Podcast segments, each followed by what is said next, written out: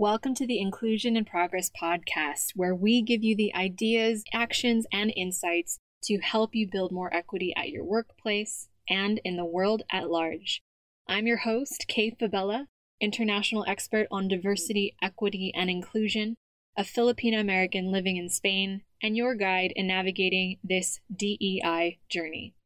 Having worked with teams at companies such as Philips, the IMF, Red Hat, PepsiCo, and more, I know firsthand that the work of inclusion only works when everyone has a seat at the table. Regardless of your personal entry point into this conversation, your race, ethnicity, gender, ability, age, sexual orientation, country of origin, or educational background, we all have a role to play in creating inclusion for all. And it starts with us having conversations we need to create the change we wish to see. So let's dive into today's episode.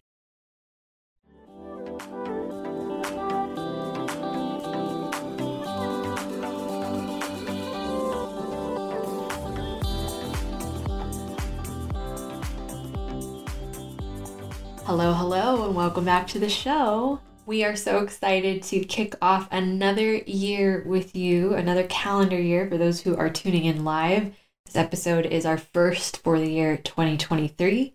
And so, on behalf of myself and Team IIP, we really hope that you had a restful holiday season, however you celebrated it, and a bright start to the new year. So, as you'll remember from episode 101, which was the last episode we released for 2022, we have officially published our 2023 white paper and we will be giving you that link in a second, but I really wanted to make sure that you all had an opportunity to go and download it, check it out if you haven't already. And of course, as we were prepping the white paper for the end of the year, we were looking back on, you know, themes from the last couple of years and the strange time that we've been living in since March 2020. And 2021, as we know, all about the great resignation. A million think pieces on it. 2022, in a nutshell, if we had to boil it down to one, I guess, workplace trend, it was quiet quitting. That was also another one where we saw a bunch of think pieces all over the place. And on paper, as we were discussing it, Team IIP and I, we were looking through, oh, great resignation, quiet quitting. They kind of sound like polar opposites, but they actually do have a lot in common. One is maybe mass leaving, and one is maybe silent leaving. but ultimately, both of these, call them movements, are really just about employees expressing a desire that we all have to be valued, to feel heard and supported, especially when there just seems to be more and more uncertainty outside of our day to day lives that affect inevitably our work every day. So, as we move into 2023, we really wanted to take a look in this episode at what companies need to focus on to ensure that they continue to keep their best people, to provide that psychological safety, which allows them to retain their best talent so that even if they do have to stick around, they aren't engaging in quiet quitting. So, in case you didn't know already, my name is Kay Fabella. I'm a DEI consultant for remote teams. I'm the CEO of Inclusion in Progress LLC, where we specialize in inclusive distributed work strategies. And I'm also your host for this Inclusion in Progress podcast, where you will get research backed industry insights into the future of work and, of course, practical how to's for equity and inclusion in a distributed world based off of our own client consultations and experience as a team that spans EMEA, APAC, and the Americas. That's also fully remote, so you will also get a global perspective. And with that in mind, we've obviously been through a lot the past year, two years, three years. It just does feel like a very long year. but as we head into this first stretch of 2023, as you know, there is really good good vibes as we start off a new year. There isn't anything quite like resetting a calendar and and feeling that momentum and energy of yeah, this is the year that I'm going to do this, right? But since we hope that you're in this headspace of reflection and hopefully more energized after a restful period, we really wanted to make sure that you had the resources in place to set you up for success in the new year. So, Team IIP, as I shared earlier, is very pleased to announce that our 2023 white paper on the future of work culture is live on our website. And now I will give you that link. It is inclusioninprogress.com forward slash learn. And we will be sure to leave a link for that in the show notes for you to head there. And if you are on your desktop, feel free to pop open that tab and download your copy. So that's been, let's say, a little over a year since we published our last white paper, and lots has changed in that time. Feels like a lot changed from week to week, if we're being honest. But in summary, we are now two years post pandemic. We've watched companies navigate whatever version of return to office, of hybrid, of going back into the office, leaving the office, fully distributed, whatever that really looked like and whatever form that took, sometimes all within the same year. And that's put a lot of the DEI and HR and people leaders that we've worked with and, you know, are, are privileged to call our colleagues and friends it's put them in a very challenging position. It's almost like they've had to switch more gears than a Formula One race car. I do not really watch Formula One. That is my Spanish husband's influence, but he will put it on to make sure that he gets to watch and he knows for some reason the sound of really loud cars lulls me to sleep. and now you know. But that aside, you know, it really does feel like the people who are supporting organizations and the people within organizations to feel safe and supported to do their jobs the best they can, no matter where they're working from, have been switching gears constantly. So we've also really observed since our last white paper was published, the one in 2022, we supported clients around identifying barriers to psychological safety in distributed work, which obviously was very different from the barriers to psychological safety when everybody was co located or in the same office. We supported organizations with increasing buy in for inclusion for distributed teams, whether it was at the senior leadership level or even for, for managers. And of course, we were guiding teams in how to create cultures of resilience and understanding to support their connectivity and their ability to collaborate with one another despite not sharing a physical space. So, in this episode, I'm going to be exploring how DEI can support psychological safety for employees in 2023 and beyond with what we've seen over the past year as we have been working alongside client partners, particularly in the tech space, to navigate this post pandemic work environment. And of course, we will also look at the role that DEI or diversity, equity, and inclusion will play in the year to come. So, if you are digging this episode and you've maybe binged a couple of episodes and you like what you're hearing, Please follow us on your favorite podcast app that allows us to not only notify you when our newest episodes go live, but also to help us reach even more folks with the conversations and resources we are sharing here on the Inclusion in Progress podcast. And for our longtime listeners that now span 36 countries, if you are listening, please consider leaving us a review. This is not just me, this is literally on behalf of the multiple people that are helping to promote and publish these episodes on time for you in your earbuds week after week, month after month. And those reviews really do help us reach listeners who would gain value from these conversations. And of course, they could be current or aspiring DEI leaders like yourselves, or maybe there's somebody out there who's an ally who wants to find their way to support greater equity and inclusion for those who are historically underrepresented on their teams. Or maybe there's a manager who's leading a distributed team themselves and is looking for some additional insights in how to support better collaboration on their team. Whoever that is, your review actually helps more people who are officially and unofficially leading equity and inclusion at work to have access to the discussions that we're having here. And we really do need all hands on deck as we head into this new year with all the challenges that I'm sure we'll be facing.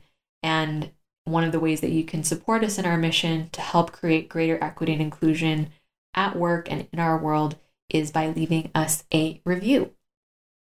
So, with that said, it is hard to ignore the pandemic's impact on the increase of distributed workplaces. Whether companies chose some version of hybrid, fully remote, or somewhere in between. But while remote first workplaces have offered many benefits, as we know, for both employers and employees, we also know, for those of us who've had to strategize and switch those gears in that Formula One car. Never gonna live that one down. it's also brought challenges, right? We've had to deal with people with connectivity issues, being in the office, navigating when they're connected, whether or not they're on Teams or Twist or Symphony or trying to be inclusive here of all the platforms we've seen you know, whatever collaboration that needed to happen that would be a simple swivel in your chair moment in an office had to be navigated a little bit more subtly when you weren't co located. And of course, that doesn't include all the different barriers that arose to psychological safety for teams, whether they were at work specifically or things that were happening outside of work.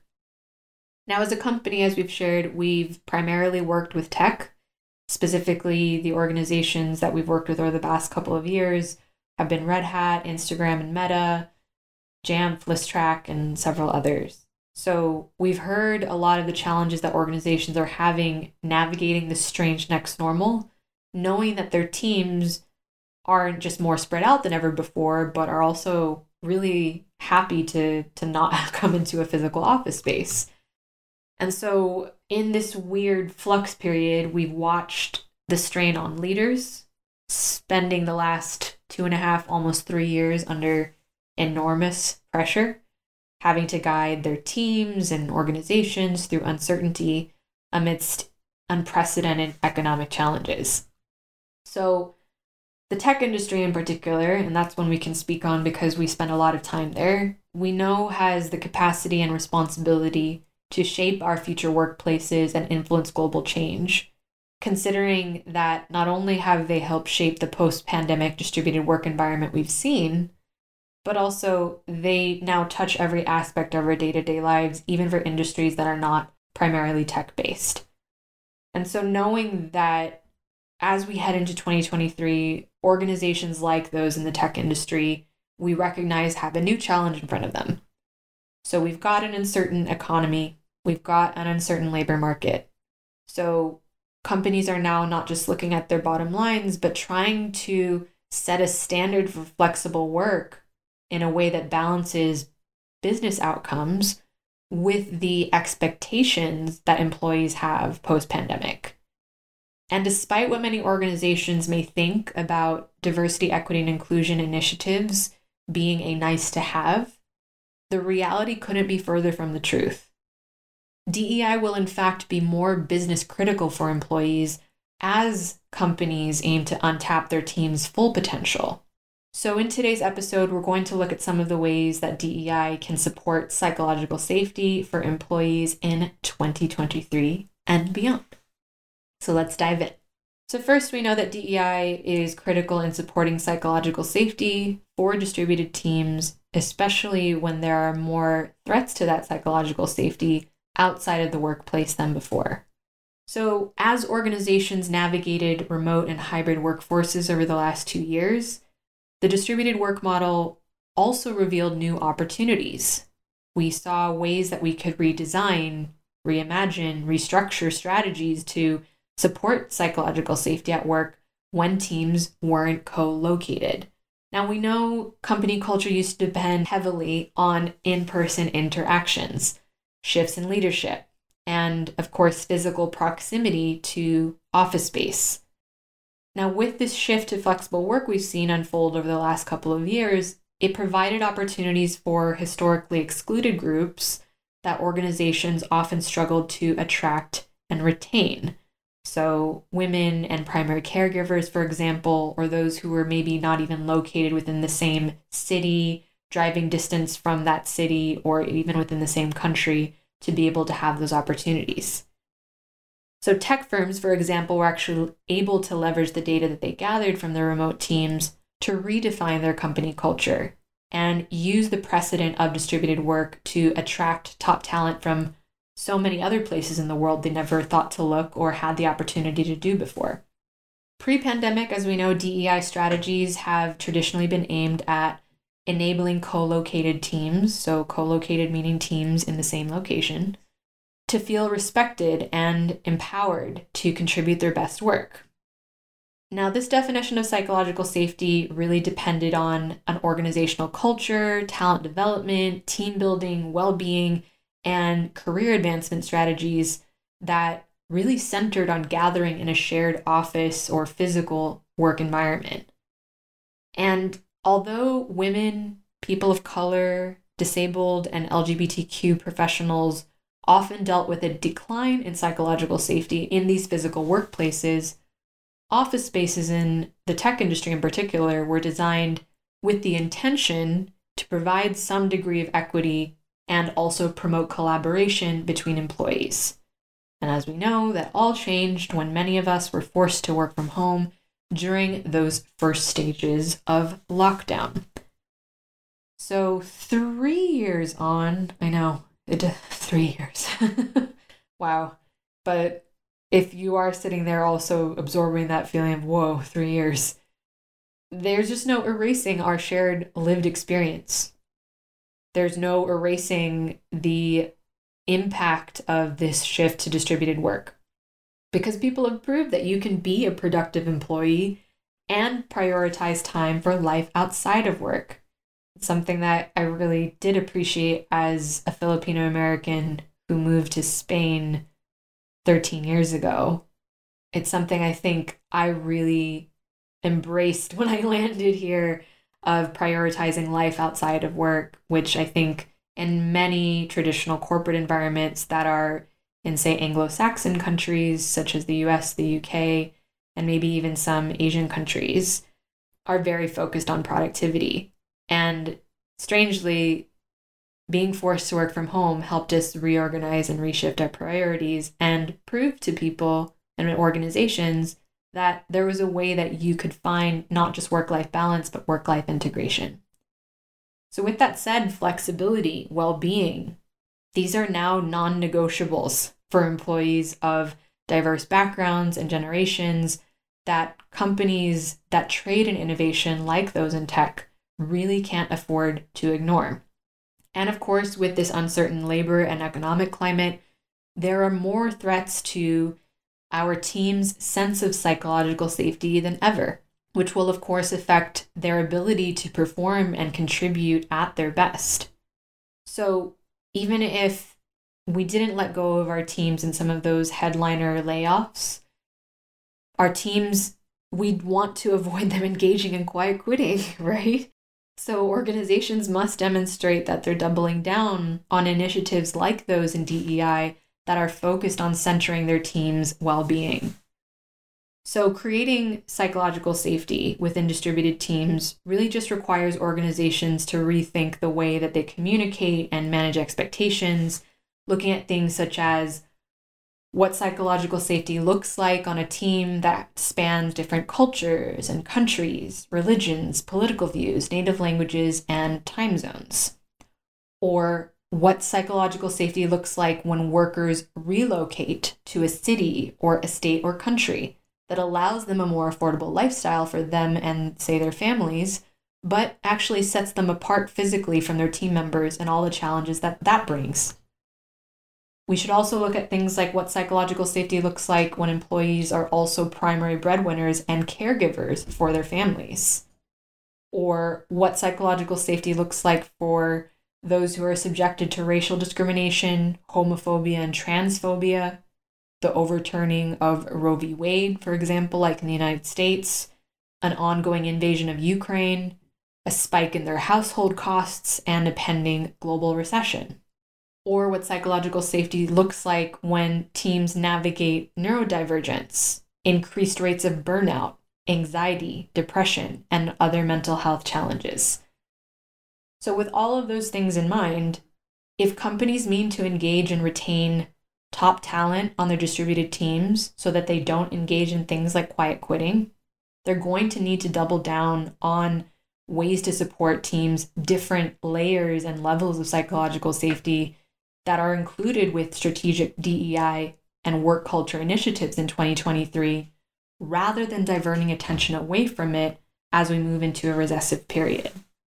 The other point we wanted to highlight on today's episode is the fact that call them DEI, HR, people leaders, whoever is tasked with supporting people in our organizations also need to benefit from psychological safety if we want them to continue to support our organization's well being. Now, it's no secret that companies, particularly in industries that pride themselves on innovation, like those in tech, have historically preferred to hire younger talent. Of course, the preference for digital savvy is a skill that millennials, this middle aged millennial, is raising her hand here, and Gen Z professionals have in spades. It also means that they are more connected to and aware of social issues than previous generations. So we witnessed a lot of these younger employees around the world who were equally vocal about when Roe v. Wade was overturned in the US as they were about the ongoing invasion of Ukraine. Millennials and Gen Zers are also more likely to be vocal supporters of social impact initiatives and expect their employers to follow suit. Which means if companies follow through on commitments that they've made, very public commitments, might I add, towards social justice and equity, they can expect loyalty from employees who are happy to see their employer walk their talk and a reputation that strengthens their ability to attract future talent on the other side of this recessive period. Which is why it's little wonder as we saw an interest in DEI and DEI roles or DEI related roles skyrocket. In fact, one study found that job postings for equity and inclusion leaders increased by 123% between May and September of 2021. And that's encouraging so, with that said, according to Culture Amp's 2022 Workplace DEI report, nearly 60% of companies reported not having any DEI specialist role. 40% said they were investing in building out the specialized expertise needed to build successful equity and inclusion programs. And these roles also tend to be new. 80% of DEI roles have actually been hired in the last 18 months meaning that most companies are at the beginning of their change journeys and we may yet see additional progress. Which brings me to the point that we were trying to make earlier that these very same leaders who are tasked with providing and designing for greater psychological safety for their teams with their DEI strategies seldom benefited from the same sense of psychological safety. Many practitioners that we worked with at Inclusion in Progress, as we know, come from marginalized backgrounds themselves, which means that they naturally have a personal stake in their work succeeding in their organizations and are therefore far more likely to take on emotional labor. By the very nature of the work they do, they may also end up having to relive their own traumas over and over again as we witnessed with continued attacks on the rights of historically marginalized groups, both within and outside of workplaces. Not only that, and this is something we can speak from our own personal experience as well as those we've spoken to in this field, DEI can often be lonely, thankless work that requires emotional strength and stamina. Behind the scenes, practitioners like us are often holding space for others' emotions alongside our own. We're trying to meet folks where they are to encourage them in their own inclusive leadership or inclusive skills journey. We're trying to quickly diagnose and assess the best fit solution for a specific team or marginalized group, and also decenter our own lived experiences with exclusion if we aim to create inclusive, sustainably inclusive environments and experiences for our organization as a whole. We're also tasked with delivering cultural change and solutions at the enterprise level if we're working within an organization, often with limited resources and even smaller timeframes. And for the DEI leaders that we've worked with, many say that they're also running up against disinterest and non responsiveness from the very people that they need on board for change to happen. We've also witnessed multiple cases where DEI practitioners have faced pushback from the people who've hired them and from the underrepresented groups they're tasked with supporting who may want change to happen faster than can be implemented. So, being under pressure to perform, to become the go to educator for others on all things DEI in an organization, including being a representative for employees whose experiences do not mirror their own, can sometimes do more harm than good. So it's hardly surprising that so many DEI leaders we know experienced burnout in 2022.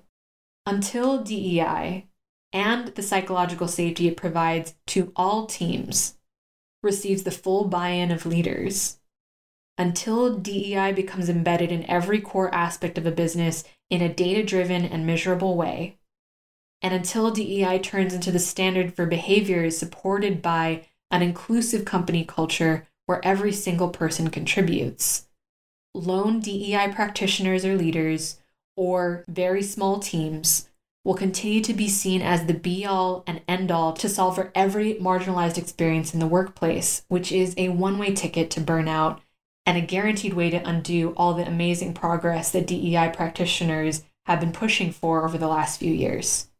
So, in 2023, organizations have an opportunity to continue to align with employee and stakeholder demands for social impact by embedding accountability for DEI initiatives at all levels of their organizations in a way that will increase psychological safety, organizational reputation, and ensure future growth. So, there you have it. How can DEI support psychological safety for employees in 2023 and beyond? Now, at Inclusion in Progress, we've always recognized the need to investigate barriers to psychological safety at the individual, behavioral, and organizational levels while navigating the reality of our post pandemic distributed world. Because we know that identifying how to remove those barriers allows organizations to create a work culture where employees contribute their best ideas rather than engaging in things such as quiet quitting ensuring an engaged, productive, and equitable work environment, no matter where employees choose to work from. We also know that the last three years have been challenging for every organization to navigate, and it's important to provide resources that set you up for success. To that end, we're pleased to announce the release of our 2023 white paper on the future of work culture How to Make Distributed Work Inclusive. You can download a copy on our website at inclusioninprogress.com forward slash learn, or head to the link in the show notes to grab your copy.